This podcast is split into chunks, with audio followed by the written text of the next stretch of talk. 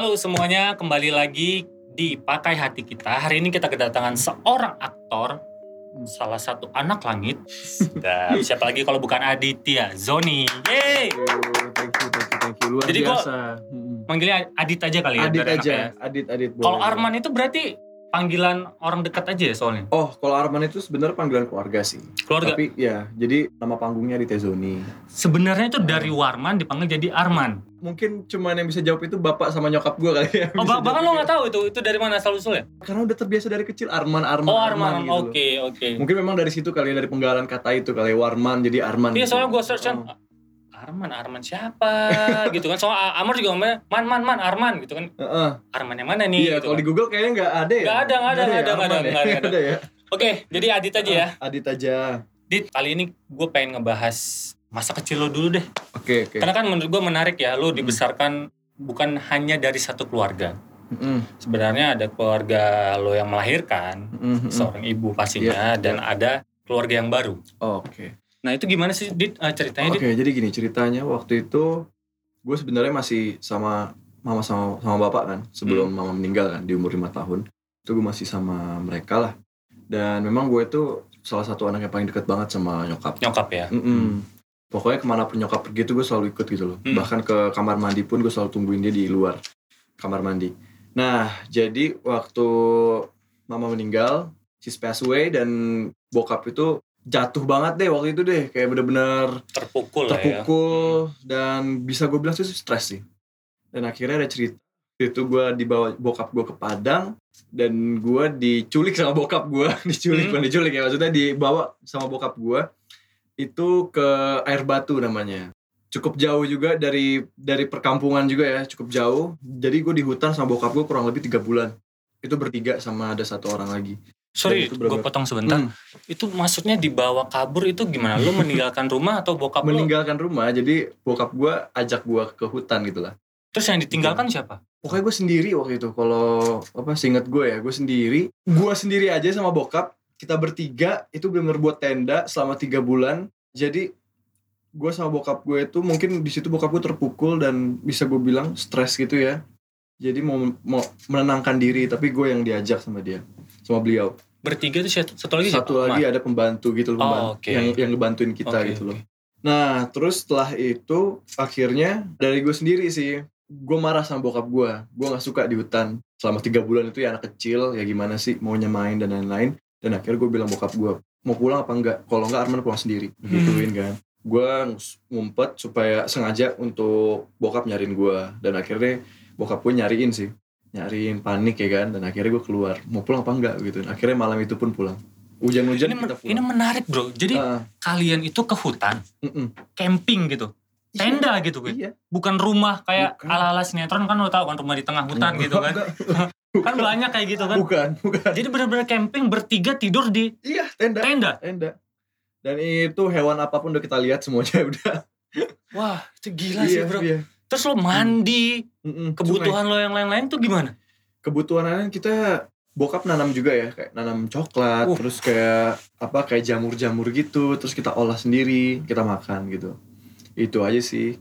Dan ya di situ anak kecil nggak suka ya kan, akhirnya gue bilang mau pulang. Bro, Hmm. semua orang juga nggak suka sih sebenarnya tiga Iya, bulan kan? lo tenda kayak funnya itu ya sehari dua hari sih kalau gue ya ya Iya. sehari dua hari oh ini hutan Cuma gitu. bayangin tiga bulan Iya, ya kan, tiga gak ada bulan apa-apa gitu. ya kan, gak ada mainan, gak ada ini. jadi lo selama tiga bulan Hmm. itu so- bersosialisasinya gimana Jadi gue merasa itu semuanya rame aja. Gue bisa menciptakan imajinasi itu gitu. Ya itu sih. Jadi gue main sama orang-orang yang di- ada dalam imajinasi gue. Wah udah Itu aja. dan itu Jadi ke gua- bawah sampai sekarang Iya. wow Masih masih ke bawah. Tapi akhirnya gue nemuin titik bosan juga. Pulang Pasti juga. tiga bulan oh ak- akhirnya setelah itu balik Balik akhirnya. sama kalian bertiga balik Ya balik Nah, akhirnya. nah cerita yang ketika lo menghilang kembali itu yang Hmm. dicariin Amar sama bokap itu gimana Itu, Itu kan ada di hutan lagi kan? Di hutan lagi. oh emang Jadi- demen hutan kali bokap ya pada saat itu ya Iya, memang memang bokap itu ada ada kebun ya. Kebun. Oke. Eh, tapi ini jauh banget dari perkampungan warga. Dan itu kebetulan bokap yang yang buat jalannya ke situ. Hmm. orang pertama lah di kampung itu yang buat jalan ke situ dan memang bokap gue nanam-nanam kayak cabe kayak coklat dan lain-lain itu di situ dan akhirnya kita emang diajak bertiga nah cerita ini yang yang pergi ke air batu itu kita bertiga bokap bang Amar gua Itu kenapa tuh? itu cuman main-main aja sih sebenarnya main-main oke, aja agak-agak berapa ya? Seminggu lah ya. Seminggu dan terus akhirnya gue mau minta balik lagi. Minta balik lagi. Setelah itu ya sama kejadiannya kayak itu juga. Gue gue ngumpet di batu gede yang benar-benar gue mau balik. Gue nggak suka di sini udahlah ya kan. Ngapain sih? Ya udah akhirnya gue ngumpet di batu gede terus bokap sama bang Amar nyariin. Itu berapa hari lo kalau ngumpet kayak begitu? enggak sih enggak berapa Seharian hari. lah ya, paling Eh, ya. enggak. Cuman mau balik apa enggak? Mau balik apa enggak? Gue ancam. Oke. dari kecil gue sudah suka mengancam berarti ya. Tapi ajaibnya. Kok mereka bisa nemu ya lo? Kan luas Nggak ya itu tahu. ya? iya luas nggak tahu ya. Luas dong pasti. mungkin apa ya insting seorang bapak kali ya insting seorang bapak dan tiba-tiba gue ditemuin aja baru gue diem aja di belakang batu gue ngumpet ya gue ngumpet ya gue denger suara mereka Oke. gitu loh tapi gue se berusaha mungkin untuk tidak bersuara lah supaya bokap gue nggak tahu gue di mana gitu loh dan akhirnya ketemu juga terus gue bilang mau balik apa enggak kalau kalau enggak gue ngilang lagi gue gitu Hmm. kalau enggak Arman ngilang lagi gitu loh Berarti lo kehilangan mama itu Hmm. di umur lima tahun. lima tahun Seorang laki-laki kehilangan mama di lima tahun itu Hmm. gimana sih, Dit? Rasanya, Dit? pas waktu saat lima tahun itu gue belum paham soal kematian soal ibu meninggal Kehilangan lah ya. kehilangan Hmm. gue belum paham sih Hmm. yang gue selalu pikirin kan sebelum itu gue liat nyokap gue masih hidup pada saat ketika nyokap gue meninggal di rumah sakit Oke. Mm-mm, dan itu gue benar-benar apa ya masih anak kecil nggak tau lah ya. Itu bukan cuma gue doang ada orang dewasa satu yang ngeliat juga. Hmm. yaitu yang bantuin kita juga di rumah. Jam 3 subuh gue bangun ada yang ketok-ketok. Akhirnya didampingin sama mbok ini dibukain pintu sama mbok. Terus mbok ngeliat juga oh cek Sri gimana? Uko udah balik sih? Dan itu gue liat pakaian nyokap itu putih semua dan memang mukanya bersih kayak orang biasa. Orang biasa yang kayak iya udah balik dari rumah sakit nggak apa-apa udah nggak sakit lagi kata kata mbok kan enggak kok nggak sakit lagi udah udah alhamdulillah udah aman kata dia. Nah setelah itu gue tanya kan besok kita jadi ke ini kan ke tip top kita jadi ke tip top ke mana ya kan? Terus kata nyokap gue iya boleh boleh kita besok ke tip top ya. Terus dia kayak kayak megang gue terus dia kayak senyum doang sih. Itu di saat momen itulah yang gue lihat terakhir kali nyokap gue walaupun itu berbentuk arwah sebenarnya ya Hmm. nggak tahu itu bukan fisik aslinya. It was real gitu loh karena memang di situ ada ada saksi juga bukan gue doang. Kalau gue sendiri masih bisa ngayal dong. Anak kecil apalagi gue punya imajinasi yang tinggi kan gitu. Hmm, benar-benar. tapi mbok ini juga ngeliat mbok ini juga ngeliat. Terus nyokap gue bilang kayak jaga diri baik-baik jangan lupa sholat katanya. Terus sayangin bapak sama keluarga. Oh itu pesan nyokap ya? itu pesan nyokap yang gue inget gila. Dan akhirnya pas setelah itu datanglah ambulan. Ambulan di di gang itu gitu di rumah gang itu. Mbok ini kaget sampai pingsan. Oke. dia bersumpah dia demi Allah dia bilang dia lihat nyokap gua datang ke sini. Semua orang lagi nangis nangisan kan ada ini nyokapnya ini ini Sri ini di sini. Udah dibalut kain kafan dan udah udah meninggal gitu loh. Ini dia nggak mungkin dia datang ke sini dulu terus meninggal kan nggak mungkin. Hmm. jam berapa katanya? Jam 3 ya itu tepat waktunya nyokap gue meninggal di rumah sakit. Gue nggak percaya di situ. Sebagai anak kecil gue selalu mikirnya nyokap gue itu nggak pergi meninggalkan gue selamanya nyokap gue masih ada Hmm. gitu loh makanya pas bokap gue nangis bang Amar nangis bahkan Panji nangis gue nggak gue cuma senyum ketawa-tawa gue karena gue masih yakin ada nyokap gue di situ enggak nyokap gue nggak meninggal gue salah satu orang nggak percaya karena gue lihat sendiri kan gitu Karena lo nge-describe-nya juga Hmm. sangat-sangat jelas sih menurut gua. Lo Hmm. tahu pakaiannya bagaimana, Iya, iya. Dia ngetok pintunya bagaimana Hmm. gitu sam- sampai sekarang. Tapi lo kan lima tahun nih. Mm-mm. Kalau gue ya, kalau kan memori anak lima tahun gitu loh. Mm-mm. Lo masih ada nggak kenangan banyak sih tentang nyokap gitu? banyak sih salah satunya mungkin waktu itu ya jadi nyokap gue lagi ma- lagi makan sambil nonton silet Hmm. terus ada syarukan di situ terus nyokap gue bilang ke gue mama suka kalau misalkan kalau nggak Amar kalau nggak Panji kalau nggak Arman jadi aktor ya salah satu aja kata dia salah satu aja tiga tiga Tiga-tiga aktor. yang jadi Zodi Brothers kan, wah. tiga tiga ya Tapi kalau kalau gitu menurut lo nyokap lo bakalan senang gak sih? gue yakin ya nyokap gue seneng ketika kita itu sholat rajin rajin ibadah dan saling menghargai satu sama lain Pesan terakhir nyokap lo lah ya. pesan terakhir Hmm. nyokap gue itu Hmm, jaga dijalankan. bapak. Heeh, jaga Hmm. bapak dan itu mungkin nyokap gue lebih senang gitu Hmm. Oke, Hmm. Dit. terus gimana jalannya lo bisa ketemu dengan keluarga baru? Bahkan Oh. dari abang juga sempat ya? sebenarnya ini ada jalan ceritanya juga Hmm. yang waktu gue dari bertiga itu itu terakhir kali gue ketemu bang Amar yang gue bertiga dari hutan itu yang gue ngumpet di batu Oke. itu terakhir terus gue pulang lagi ke Jakarta dan akhirnya bokap gue awalnya bukan bukan mak tua ya kalau kita bahasanya mak tua ya Hmm. mak tua itu bude bude Tante. bude lah bahasa kita sebenarnya sebelum sebelum mamanya Dakim tante mak tua ini belum gue ditawarin juga ke adiknya bapak gue PT Wandi Lo ditawarin Gua ya? sempet ditawar Oke. untuk dijagain Hmm. gue cuman bertahan seminggu habis itu gue cabut nggak mau lah ya kan Itu kenapa, Dit? Ngomong-ngomong, nggak maksud-maksud gue kenapa nggak lo di rumah bareng Amar, bareng Papa gitu loh? karena gini gue itu tipe kan bokap ini kan selalu pergi kan untuk ke ke ladangnya kan kebun Oke. kan gue selalu mau ikut gue nggak Hmm. mau ditinggalin sama bokap gue Hmm. kalau bokap gue ninggalin gue gue nangis padahal ninggalin cuma ke warung doang tapi gue nangis gue pokoknya harus ikut ke mana pun bokap gue apa Pergi gitu. karena gue ingat kata-kata nyokap gue harus jagain bokap gue Oke, oh itu yang ngebuat lo ya, mau ah, yang ikut buat terus gue gitu tuh ya? posesif banget bokap gue dulu. Bener-bener nangis gue kalau misalnya bokap gue pergi. Dan akhirnya dititipin kan bokap gue awalnya nitipin gue ke PT Wandi. Terus gue di sana bertahan seminggu doang kan. Habis itu gue cabut kan. Karena terlalu terlalu ini terlalu peraturannya terlalu ketat, Ketat gua. ya. gue gue cabut kan akhirnya kan. Kan kebetulan rumahnya udah kedekatan akhirnya gue jalan kaki cabut bener-bener Hmm. eh 3 kilo lah rumah gue jalan kaki masalah kecil dan akhirnya dititipin ke Mak Tuo jadi ya pulang pergi pulang pergi aja nah dan akhirnya nenek lah yang bilang ya udah biar nenek aja jaga. yang jaga Hmm. oke akhirnya nenek setelah itu kita ke Jakarta gue ditawarin untuk tinggal sama mbah gue Oke. terus bokap gue sebenarnya nggak mau gue sama mbah kan gitu kan maunya sama dia terus sama bokap gue terus tapi ya gimana kan dia harus kerja dan lain-lain kan Nah posisi bisa- bokap ini Hmm. di Padang ya? ya di Padang awalnya kerjanya di Padang banyak terus dia ke Jakarta untuk nitipin gua Hmm. ke mbah gua kan dan akhirnya udah udah oke dan nangis nangis bokap gua ya udah akhirnya gue tinggal sama mbah gua dalam waktu dua jam setelah itu bokap gua putar balik lagi Oke, nggak jadi Nggak kuat. berarti. Nggak kuat ninggalin Oke. gua gitu loh nangis nangis bokap gua kira ya udahlah ya udah dah gue bawa lagi deh ke Padang akhirnya ya udah bokap gua bawa lagi gua ke Padang terus bokap gue bilang kamu dipisah sama Panji Panji di Jakarta kamu di sini terus gue bilang ke bokap gua nggak mau kalau Panji ke mana Arman harus Gua ikut Hmm. Kenapa emangnya? Ya, Karena itu tadi gue janji sama nyokap gue untuk jagain adik gue juga. Hmm. Gitu loh, gue harus ikut. Hmm. Panji di mana di Jakarta? Gue nggak bisa hidup tanpa Panji. Gue bilang begitu. gue bilang begitu ya kan. Setelah dari Padang, terus gue gue di Matuo kan selama 3 atau 4 tahun. Udah bertahun-tahun lah gue tinggal akhirnya. Nah kita tinggal itu di gang gang kecil ya. Mobil nggak nggak akan muat, cuma motor doang. Masyarakatnya padat gitu loh Hmm. di daerah Depok. Nah di situ gue tinggal dan di situ gue alhamdulillah menemukan jati diri gue gitu loh. Gue bukan anak yang manja, gue gue anak yang mandiri, bisa Belajar disiplin sendiri. lah ya. Belajar disiplin. Hmm. Dan pertama kali gue itu tahu lah artinya artinya susah dan lain-lain kan gitu kan. Sampai ke rumah Matuo, memang banyak banget pelajaran yang gue ambil dari sana gitu loh. Eh gue belum cerita ini ada kisah menarik juga. Hmm, gimana tuh? Ini akan nyambung juga sama baju yang gue pakai. Print ya. Asik. Hmm. Oh, ini Jadi- brand lu sendiri? Brand gue sendiri. Oke, siap. Jadi gue suka suka suka suka berjualan juga kan. Pas nyokap gue meninggal, gue pas gue di Padang, gue jualin tupperware nyokap gue.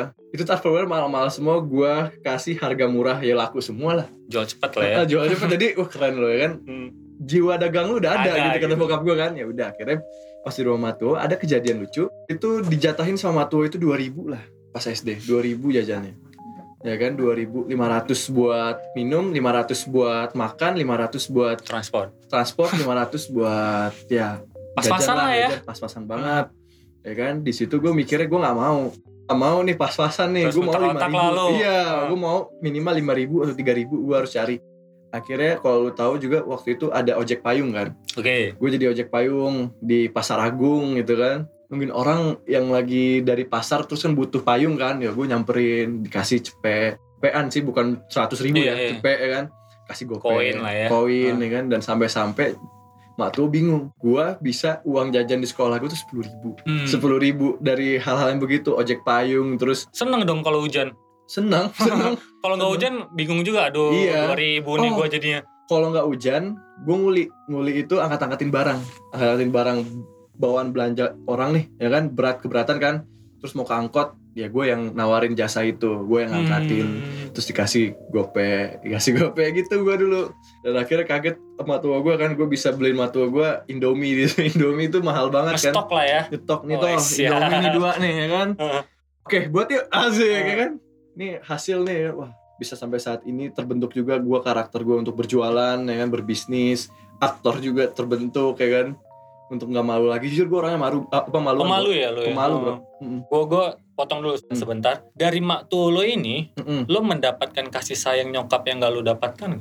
Yes, pasti. Nih ya, gue bersyukur banget sama Matuo ya. Mau gimana pun juga, sampai kapan pun gue gak akan lupa jasa-jasa Matuo.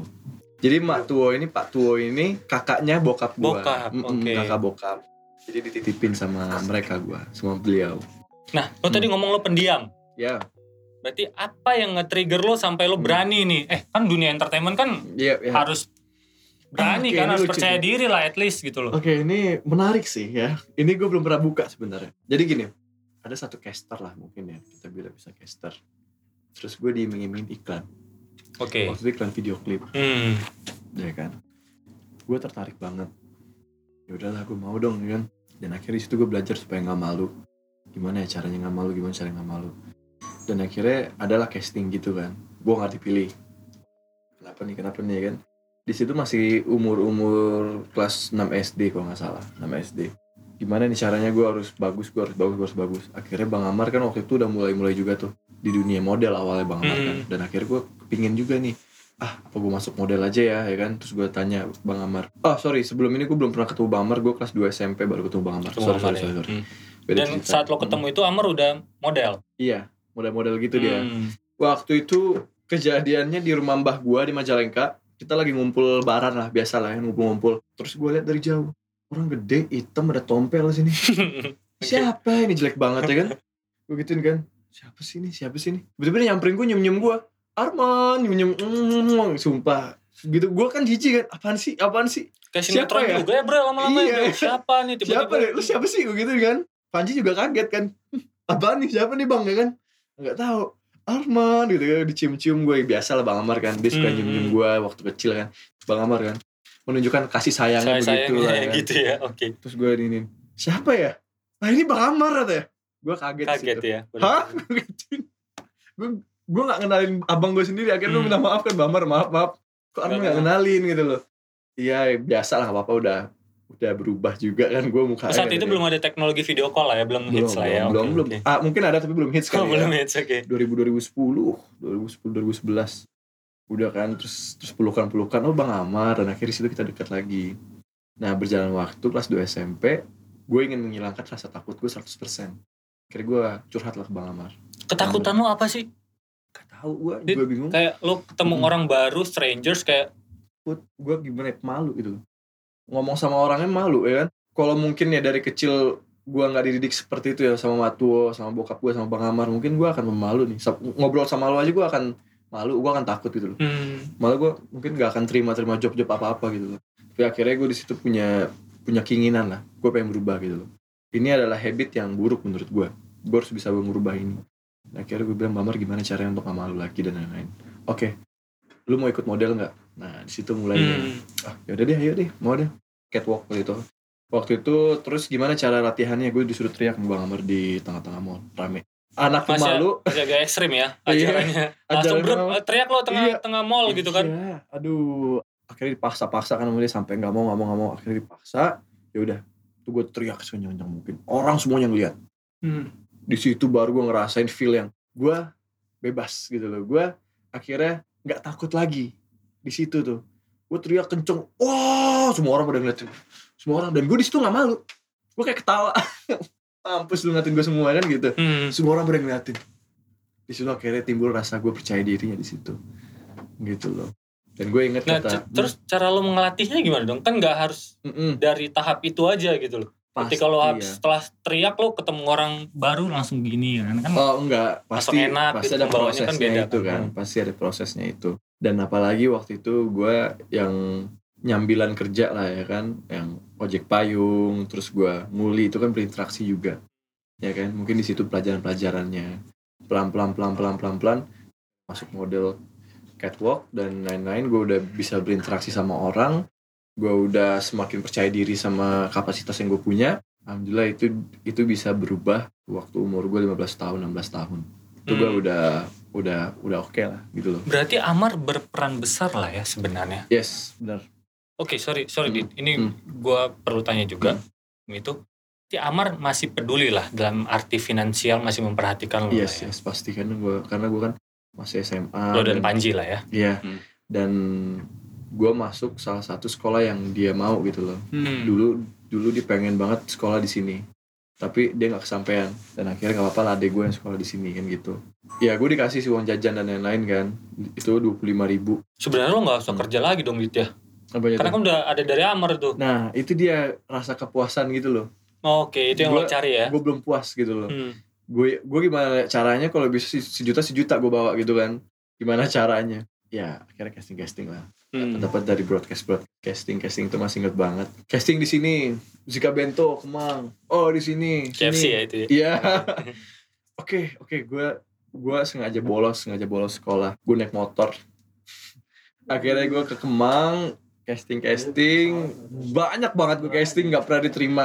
Sama sekali nggak pernah diterima. Dan akhirnya di situ gue pada saat itu gue udah mau nyerah. Tapi di dalam acting gue menemukan diri gue gitu kenapa ya gue bisa suka sama acting ya? Oh ya udah. Gue harus tanya diri gue sendiri gimana? Mau nyerah atau enggak? Dan akhirnya gue situ memutuskan gue gak akan nyerah. Gue akan kejar apa yang gue mau. Pokoknya gue casting casting terus casting casting terus dan akhirnya ada satu jebol. Jebol itu iklan iklan bank. Gue nggak bisa nyebutin banknya apa. Hmm. di situ gue kena bohong dibohongin gue. Manajemennya nggak jelas gitu. Di situ gue ininya senternya lah senter ceritanya. Tapi gue dibayar cuman percaya nggak percaya gue dibayar cuma lima ratus ribu. Iklan bank loh Lo ditipuin masalah budget berarti Iya, ya? masalah Hmm. budget. Hmm.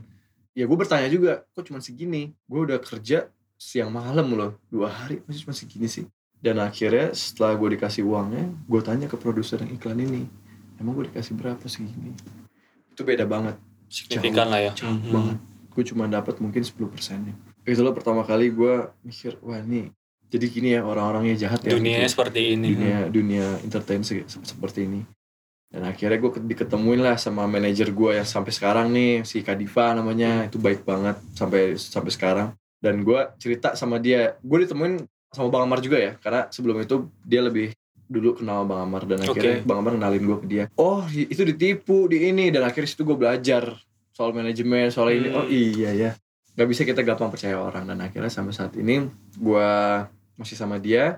Dan alhamdulillah lancar-lancar aja sih gitu Nah sekarang kan lo ya udah lumayan lah sinetron udah Amin, banyak, amin, film amin, udah alhamdulillah. banyak, amin, ya udah independen juga lah secara finansial. amin. Berarti udah nggak disupport sama Bang Amar lagi kan? alhamdulillah alhamdulillah pas gue syuting itu emang udah nggak disupport tapi kita saling bantu aja saling take and give aja gitu Maksudnya Amar butuh juga nih seorang Amar. Um, ah, gimana ya? Aduh, gimana ini bosku? Oke. ya, saling support aja Tadi tadi kan lo ngomong nih dikata-katain Amar lu nggak boleh gini, lu nggak boleh gitu. Itu lo merasa terkekang sebenarnya. Berarti Ada, hmm. setiap langkah lu itu kan dipantau terus nih sama Amar kan? pada awalnya itu ya gue merasa tertekan ya di situ ya dan sampai gue menemukan jawaban atas itu gitu loh kenapa Bang Amar seperti itu kenapa dia bisa seperti itu itu untuk kemajuan gue juga dan sekarang ya alhamdulillah gue melihat ketika Bang Amar seperti itu gue melihat ada ada nilai positifnya yang harus gue bisa ambil gitu loh apa gitu loh dan ya merasa terkekang waktu masa kecil ya pastilah ya di Hmm. kata-katain seperti itu siapa sih anak kecil yang digituin nggak nggak merasa tertekan nggak merasa terintimidasi gitu waktu kecil gue melihat itu sebagai acuan gue juga sebagai motivasi gue juga sih untuk ke depannya lebih bagus lagi lebih baik lagi sih Tapi sekarang Aditya Zoni itu udah punya suara dong. Hmm. Nah, yang Hmm. ngebuat lo merasa oh, udah gue punya suara nih, Ya. gue udah merdeka nih gitu loh. i- Mm-mm. Ibaratnya itu Mm-mm. apa gitu? Dengan Itu- keadaan abang lo yang kayak gitu. Oke, itu gue sudah sudah merasakan juga ya itu maksudnya ketika Bamar menikah di situ pada saat itu gue gimana ya bilangnya merdeka. Kalau merdeka itu adalah menurut gue ya merdeka itu ketika kita menjadi diri kita sendiri. Ketika kita tidak dibatasin dengan ruangan apa pun untuk berkreativitas. Dan gue sudah melakukan itu dari umur 16 tahun kan.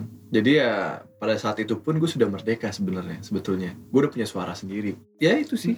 Sebelum kita tutup, Oke. gue pengen dengar tips and trick dari lo. Gimana sih caranya biar kita sebagai pribadi itu menjadi sosok yang merdeka, seorang yang merdeka suara, punya suara gitu loh. Bukan suruh ke mall teriak ya. Iya, itu kan iya beda itu ya. untuk itu untuk supaya membiasakan diri supaya nggak nggak malu Nggak gitu malu. kan Hmm. kalau ini tips untuk orang supaya merdeka dan punya pendapat mereka sendiri-sendiri Se- sebenarnya kita dari lahir pun kita sudah merdeka sebenarnya asik, Asik. kita itu terlahir jadi menurut gue itu kita sudah merdeka ya karena proses lah proses ada proses-proses yang untuk menuju ke situ gue selalu yakin tip-tips buat kalian nih. Gue selalu yakin kalau lu mau merdeka kalau lu mempunyai pakai kata hati kita juga ya. Asik, ya terima lo, kasih. lo, lo ingin mempunyai itu ya. Jangan pernah membatasi kreativitas lo. Itu satu. Dua percaya sama diri lu sendiri. Kalau lu bisa. Itu aja sih sesimpel itu. Dan jangan lupa untuk membuktikan gitu. Iya. Itu yang penting untuk membuktikan bahwa apa yang lo inginkan itu bisa. yes Gitu kan. benar benar benar. Itu sih. Ya, terima kasih Ya. Aditya Zoni untuk Thank mampir you. kedua kalinya. Mm, mm, mm, mm, Terima kasih untuk waktunya. mm. Jadi jangan lupa subscribe nonton, subscribe dan Di- follow IG-nya kita. dipakai hati Pakai kita hati kita. Yeay! luar biasa Thank you, bro.